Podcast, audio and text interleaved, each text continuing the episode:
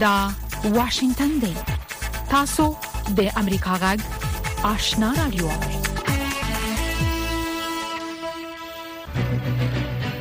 قدرمن اوریدونکو السلام علیکم زه شافیا سردار یم دا د امریکا جغ آشنا را دوه خبرونه پیښه لومړی به خبرونه واوري ویان سید سلیمان شاه د ماشومان د ژغورلو وی نړیوال مؤسسه سیف د چلډرن له پاکستان نه افغانستان ته د ستنیدونکو افغان کډوالو د ماشومانو په اړه اندېښنه خوده او ویل دي چې په زورګونو ماشومان په خطرناکو ناروغیو د اخته کېدو له ګواښ سره مخامخ دي لبل خو د ملګرو ملتونو د کډوالو علي کمشنري یا یونیسیار هم خبرداري ورکړ چې له پاکستان نه افغانستان ته د جمی په ناڅاپي ډول د سلګونو زرو افغانانو ستنیدل به په هغه هواد کې بشري بحران لا ژور کیږي په لسګونو زره افغانان چې پاکستاني چارواکو خپل هیواد ته په زبردستۍ ستانه کړي دا وخت له پولي سره څیرمه په موقتي کمپونو کې پراته دي چې په ساړه ژمي کې نه مناسبه سرپناه لري او نه کار او روزګار مندلی شي د جرمني د بهرنیو چارو وزارت په یوه مطبوعاتي بیانیه کې چې د شنبې په ورځ د لړم په ویشتمه د ایکس په ټولنیزه شبکه کې خبره کړې دغه هیواد د کولن په ښار کې په ناڅاپي توګه د طالبانو د یو استازي عبدالباري عمر د راڅرګندېدلو غندنه کړې. تېره اونۍ طالبانو حکومت اعلان کړی و چې عبدالباري عمر په یوه روغتیايي کانفرنس کې د ګډون کولو لپاره نیوزرلنډ ته ولاړ. دا د امریکا غږ واشنګټن دی، تاسو د افغانستان سیمې او د نړۍ خبرونه اورئ. د پاکستان سرپرست لومړي وزیر انارالحق کاکړ له امریکا غږ سره په یوه ځانګړې مرکه کې پر یوکراین باندې د پاکستاني ساخت سپکو وسلو د پلورلو خبر رد کړی د سوچ په نامه یوې پاکستاني ویب پاڼې خبر ورکړو چې د پاکستان ساخت سپکې وسلې او مهمات په دوو امریکایي شرکتونو باندې پلورل شوي هندي چارواکي وايي، یو څلوېښت کارګران چې د هغه هېواد په شمال کې د سړکسازۍ په یوه تونل کې بند پاتې شوي وو، پرون د شنبې د ورځې پورې لا هم ایسار وو. چارواکو سیمې ته د کینېدلو یو نوی ماشین استولی چې د بند پاتې شوو کارګرانو لپاره لاره خلاصه کړي. د فرانس پرېس خبري اژانس د یو تازه رپوټ له مخې، د اسراییل پوځ د غزې د الشفا روغتون ډاکټرانو ته یو ساعت وخت ورکړی چې روغتون خالي کړي. ناروغان، زخمیان، بې کوره شوي فلسطینیان او طبي عمله دې بل ځای ته انتقال شي. له بلې خوا یوه دربس الوتکه چې فلسطیني زخمیان په کې سواره و، متحده عربي اماراتو ته د درملنې لپاره پرون د شنبې په ورځ ورسېده. د سیو د چلډرن یا د ماشومانو د ژغورلو موسسې ډایرکټر جیسن لي له امریکا غږ سره د شنبې په ورځ په یوه ځانګړې مرکه کې په غزه کې د سمدستي او فوري اوربند د نافذولو غوښتنه وکړه. نوموړي وویل چې د غزې ماشومان د دغه جنګ دروند قیمت ادا کوي. په جنګ کې شاملې ټولې خواوې باید د ماشومانو د ژغورلو لپاره خپل نړیوال مکلفیتونه پوره کړي. د جیسن لي په وینا په غزه کې وضعیت له بد نه بدتر شوی. د غزې د ټول نفوس شپېته په سلو کې ماشومان تشکیلوي. له بلې خوا د منځني ختیځ په چارو کې د متحده ایالاتو د ولسمشر جو بایډن سلاکار برټ مک ګورک د شنبې په ورځ د لړم په ویشتمه وویل که په غزه کې د حماس لخوا ارغمل شوي اسرائیلیان خوشي شي نو د اسرائیلو او حماس ترمنځ به په جنګ کې د پام وړ وقفه راشي. مکګور چې یوې امنیتي غونډې ته وینا کوله وویل چې د بشري مرستو زیاتوالی هغه وخت رامنځته کېدای شي چې یرغمل شوي کسان خوشي شي. د اې پي خبري اژانس د خبر سره سم اسرایلي ځواکونو تېره ورځ په لویدیځه غاړه کې پنځه تنه فلسطینیان ایستلي او وژلي. اژانس وايي چې په لویدیځه غاړه کې د اکتوبر له اومې نه وروسته تر دې دمه دوه سوه او پنځه تنه فلسطینیان وژل شوي دي. د کاناډا یو امنیتي فورم پرون د شنبې په ورځ د لړم په ویشتمه د اسرایل خلکو ته د یوې جایزې د ورکولو اعلان وکړ. د هالیفاکس نړیوال امنیتي فورم چې په 2013 میلادي کال کې د پخواني امریکایي سناتور جان مکین له مړینې نه وروسته جوړ شوی و، لوړپوړي پوځي ماموران، د متحده ایالاتو سناتوران، دیپلوماتان، پوهان د دغه فورم غړي دي. دغه پریکړه د جمعې په ورځ نا وخته لوي ګټي غونډې نه وروسته اعلان کړه په سلګونو مهاجرین چې متحده ایالات ته در رسیدو په تکل د لاتین امریکا په لار را روان شوي دي د پاناما د ډاریان ګیپ په سیمه کې د جنسي تشدد له غواخونو سره مخامخ دي د فرانس پرس خبري آژانس پرون د شنبې په ورځ د لړم په ویشت مه د بې سرحده ډاکترانو د مؤسسې یا ایم ایس ایف له قوله رپورټ ورکړ چې نږدې څلور سوه مهاجرین چې زیاتره یې ښځې دي سږکال یې څو وارې د پاناما او کولومبیا ترمنځ په یوه ځنګلي سیمه کې له جنسي تشدد سره مخامخ شوې. د متحده ایالاتو د بهرنیو چارو وزارت اعلان کړی چې په جاپان باندې د ټاما هاک 400 ډوله لرې واټن وشتونکو توغندو د پلورلو خواست منظور کړی دغه توغندي چې په 1400 کیلومتره واټن کې خپل هدف وشتلی شي ټوله بیه 2.15 میلیارډ ډالر تخمین شوی د خبرونو پای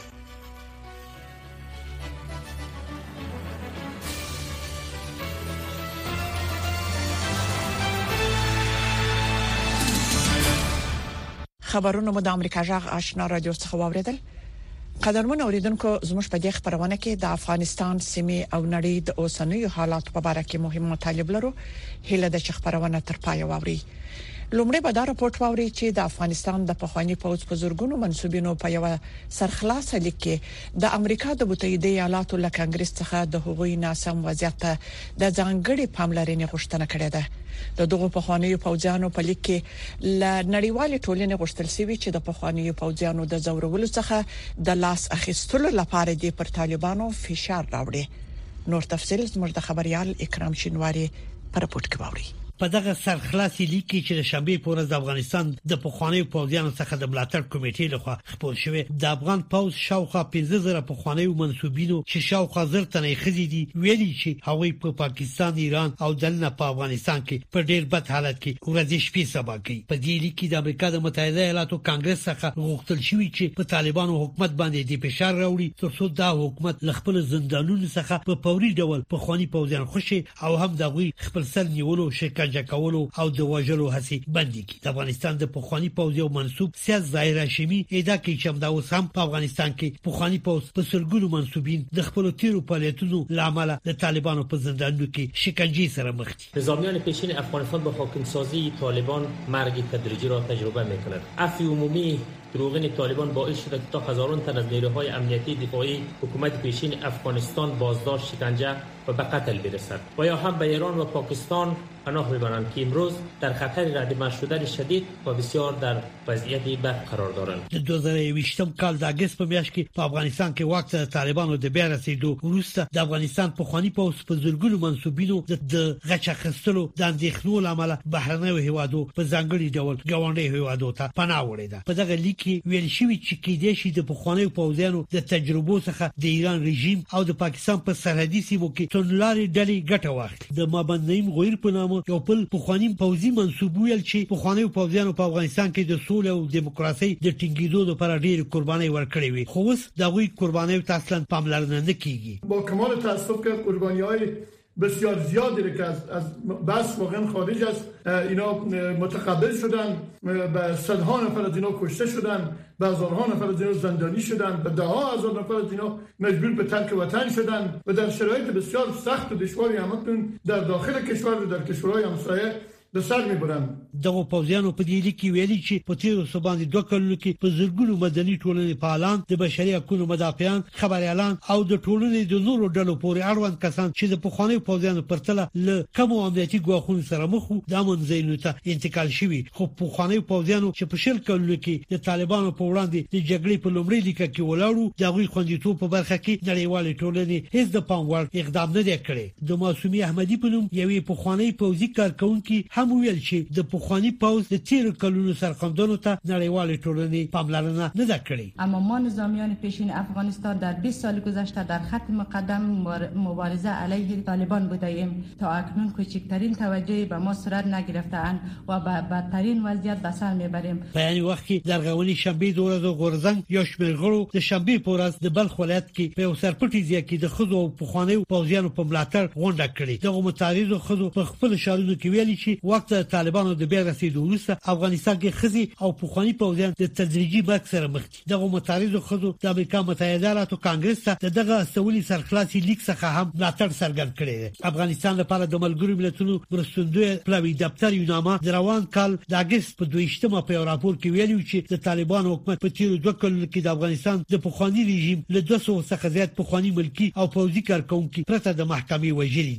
په دغه راپور کې ویل شوي چې اناما د غیر قضايي وژنو، خپل سر نیولو او توقیفونو، شکنجې او ناوړه چلند او د جبري ورکېدو په اړه لږ تر لږه اته سوه پېښې ثبت کړي. د ملګرو ملتونو مرستندوی پلاوي دفتر ویلي چې دا سرغړونې په داسې حال کې شوي چې د واکمنو چارواکو له خوا د پخواني حکومت چارواکو او د افغانستان ملي دفاعي او امنیتي ځواکونو پخوانیو غړو ته د عمومي بخښنې اعلان شوی. طالبانو حکومت د دغو پخوانیو پوځیانو ادعاو په اړه غبرګون نه دی ښودلی. خو د مخه د طالبانو د حکومت ویاند ذبیح الله مجاهد د ملګرو ملتونو مرستندوی پلاوی دفتر یوناما راپور رد کړی و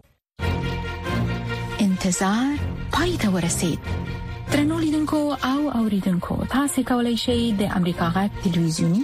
او رادیوي خبرونه د یاشر ساتلایت له طریقو وګورئ او واورئ د نوي ساتلایت لارې تاسو د آشنا اتصال او کاروان ټلویزیونی خبرونه کتلای هم شئ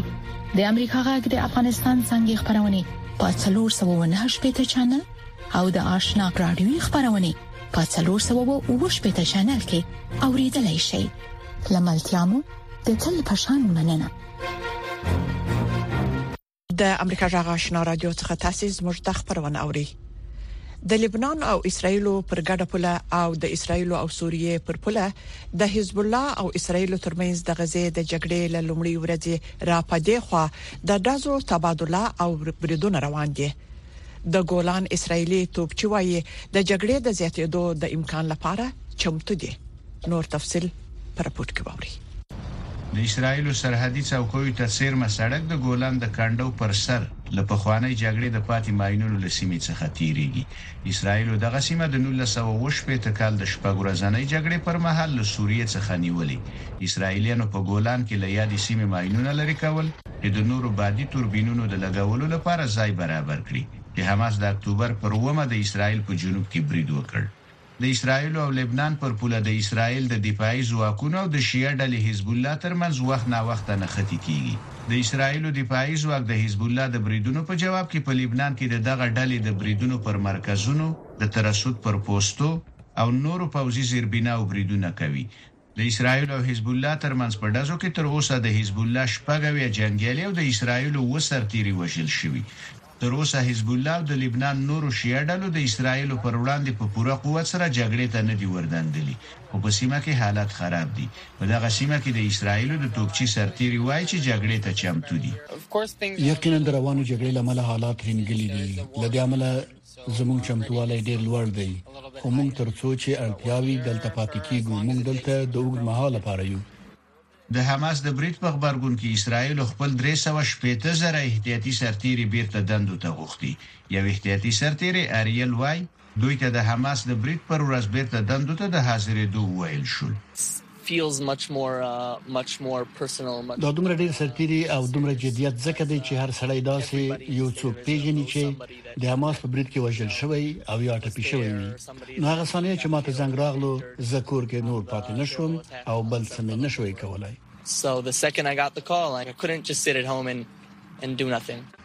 اریل وايي چې له یوې میاشتې راپدیخوا په پوځ کې دنده ترسره کوي، خو دی ښايي زیات پاتې شي او د خپل هیواد ملاتړ له ځانه سره لري.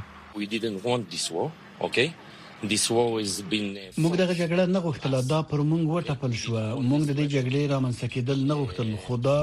یواځې هیواد دی چې یهودان یې د نړۍ په سر لري، موږ به د خپل هیواد لپاره وجنګیږو او ټول هغه څه چې زموږ په وس کې وي هغه به وکړو. دا مهال د لبنان پولې ته څېرمه پروت اسرائیلي ښارګوټی کریت شمونه کې هیڅوک نشته. دې ښار کې دوه ویشت زره اسرائیلیانو ژوند کولو. په هوا کې په دوامداره توګه ډرون الوتکې ګزمې کوي، خو اسرائیلي ځواکونه وايي چې د حزب الله سره یې د ډزو تبادله د جګړې د خبرداري له کچې ټیټه ده. دوی خبرداری ورکوي چې که بریدونه زیاتېږي،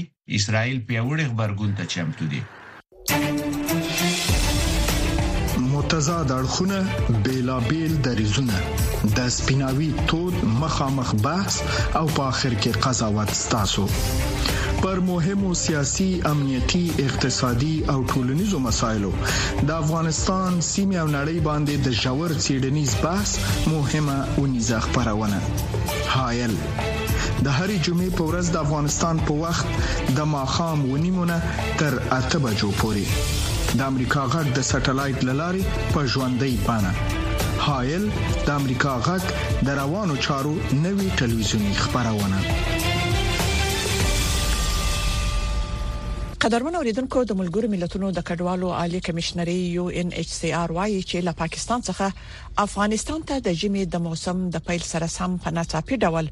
د سلګونو زرو افغان کډوالو ستنیدل به په دغه هیواد کې بشري بحران لا پراخ کړي نور حال پر پورت کې ووري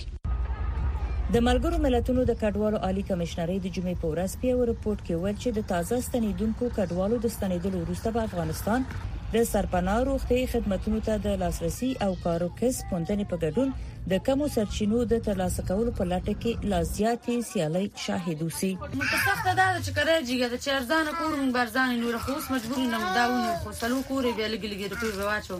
اوس خپل وخت به کې تیر کو دا چې هغه څه بیا بل چې ته برزان وبګو برزان به کور پیدا کو دی کو سخته ده میاشو څو خېټې ته نشي پیدا کړم که راته به څنګه پیدا بیا هم پاکستان خو لکه داسې ملک و چې د چا خبره چې سار به ووتې بېګا پورې به دې ودړی وړه را پیدا کوی سوای ترکارۍ پیسې به دې را پیدا کوی سوای که دلته به اوس موږ حیران چې موږ ماشومان به څه کار کوي څه به کسب کوي ولې خفه نه یو د نړیوالو ادارو د خبرداریو سره سره په پاکستان کې د افغان کډوالو د نیولو لړۍ دوام لري د پاکستان په کراچۍ ښار کې پولیسو د جمعې په ورځ 50 افغانان ونیول چې د سیمایزو چارواکو په وینا په پاکستان کې بې اسناد اوسېدل پریشانی یې موږ د پولیسو له چاپو خسته شوی یو هغوی دوه ځله ونیولم او زما اسناد یې تایید کړل خو اوس بیا راغلل او د تایید لپاره مې بیا یې راته یې وویل چې بیرته خپل وطن ته ولاړ شه. که څه هم پاکستان وایي چې اکثریت افغانان په خپل خوخه له هغه هیواده وتلي خو طالب چارواکي دردوي او وایي چې پاکستان افغان کډوال په زور باسي موضوعات یک ده نفر یا ست نفر نیست تقریبا یک میلیون و هفتصد یا هشتصد هزار نفر است و بدون مشکلات و تکلیف هم نیست زمستان است پیش روی ما واقعیت من یقین دارم که مهاجرین هم مشکلات بسیار زیاده را روبرو هستند مسایل دوای از یا است مسایل صحتشان است مسایل خوراکشان است مسایل زمستان است سردی است موضوعات بسیار زیاد پیش رو داریم. خصوصا د امارت ښې له چلنج یې په زرګر وروسته له هغې چې په پاکستان کې بریدونه زیات شول د یاد هیواد چارواکو ویل چې د خپل معیشت او امنیت په خاطر د افغان کډوالو په ایستلو لاس پورې کړی دی پاکستان وایي د حکومت مخالفین له افغانستان فعالیت کوي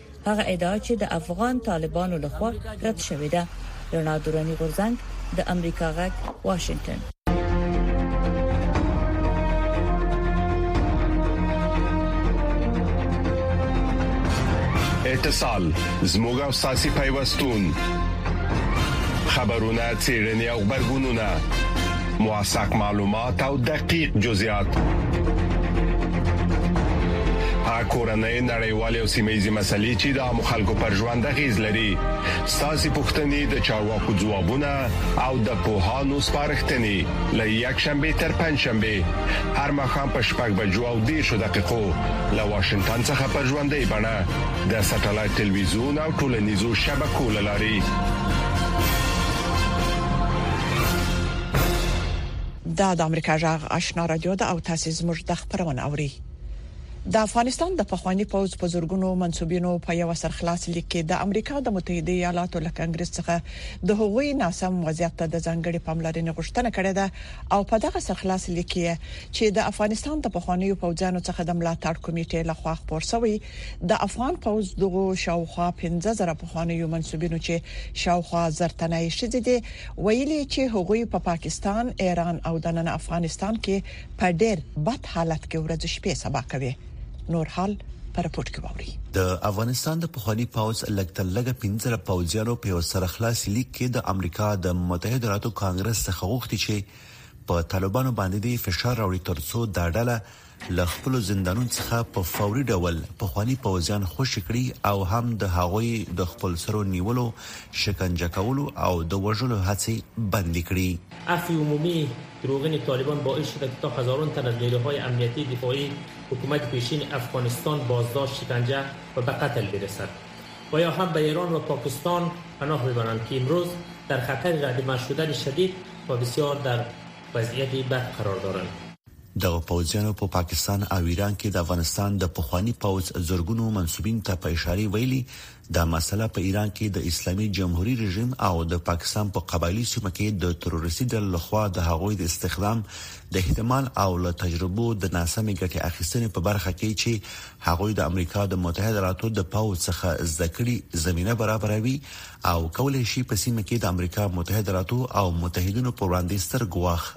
راولاړ کړي د 2020م کال د اگست په میاشت کې په افغانستان کې واک ته د طالبانو د بیا رسیدلو وروسته د افغانستان د پخوانی پوز په زرګونو منسوبینو د طالبان د غچ اخیستلو د اندېښنو له امله بهرنی هوادونو په ځانګړي ډول گاونډي هوادونو ته پناه وړې ده ما نظامیان پیشین افغانستان در 20 سال گذشته در خط مقدم مبارزه علیه طالبان بوده ایم تا اکنون کوچکترین توجهی به ما صورت نگرفته اند و به بدترین وضعیت به سر میبریم. د پوځي چارو یو شمېر شنونکي وايي، په ګاونډیو هېوادونو کې د پخوانیو پوځیانو وضعیت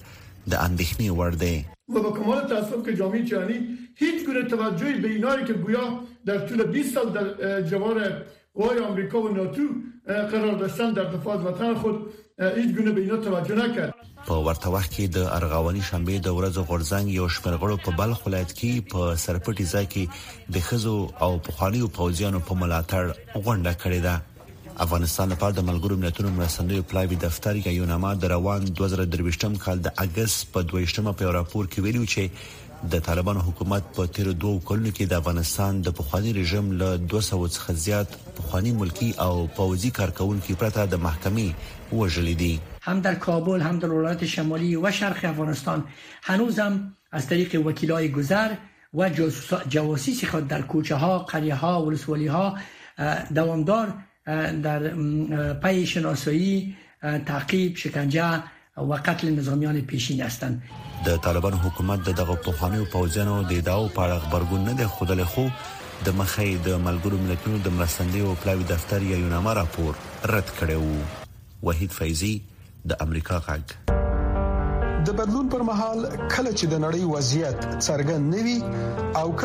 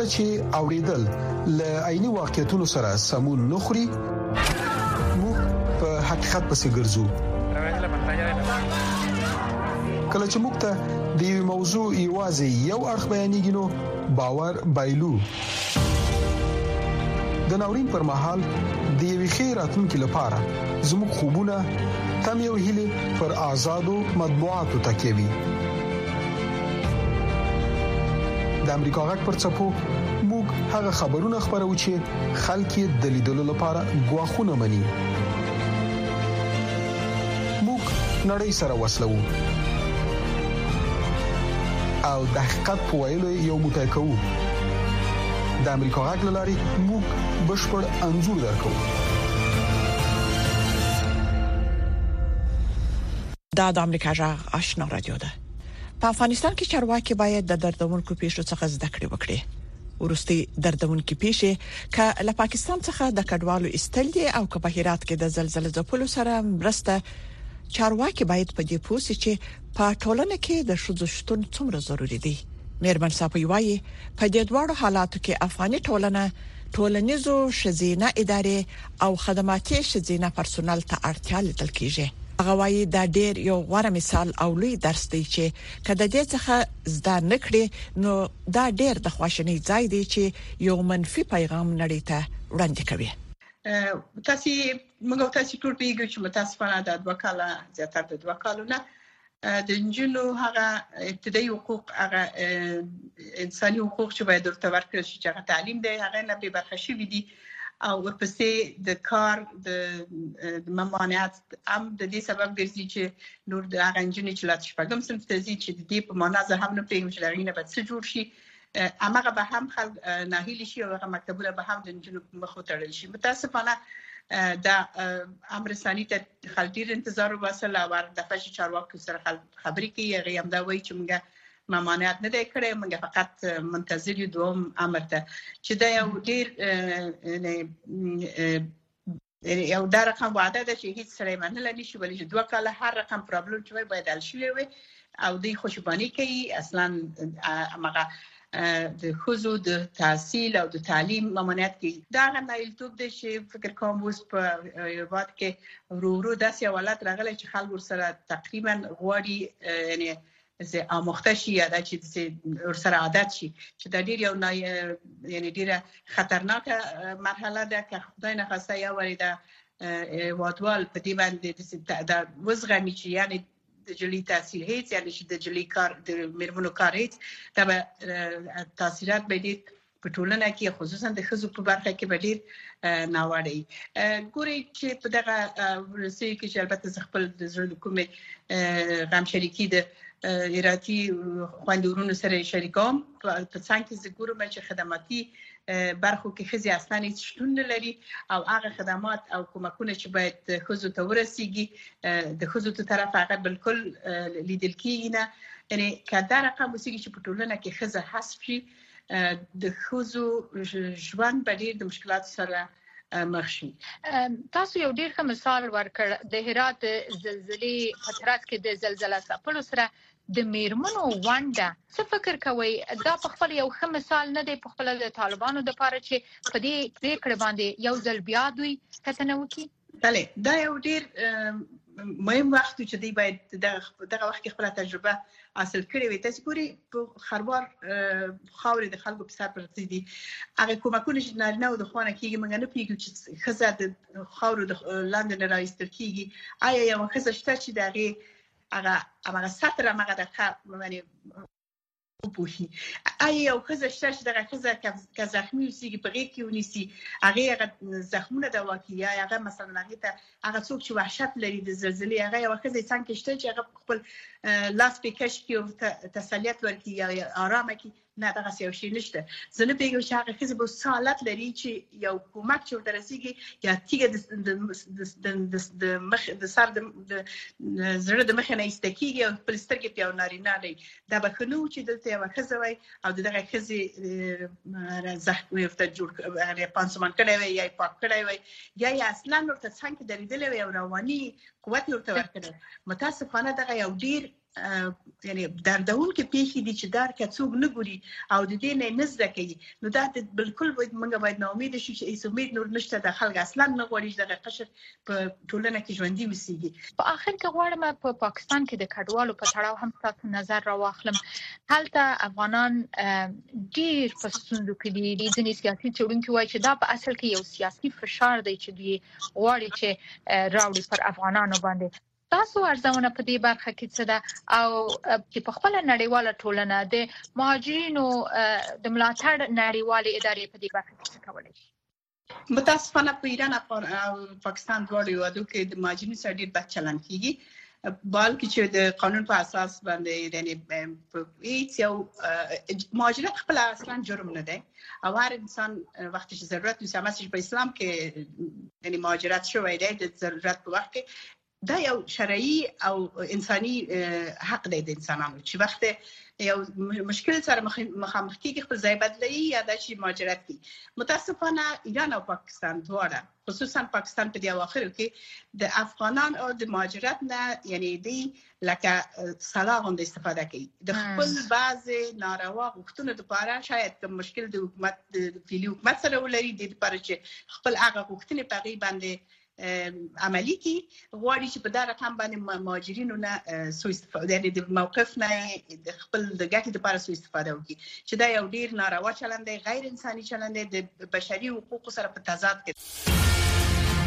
د امریکا غږ آشنا ټلویزیون نړۍ ته ستاسو لاره د آشنا ټلویزیون بیلابل خبرونو کې تازه خبرونه چیرنیز رپورټونه او مهمه مرکه اوريدئ شئ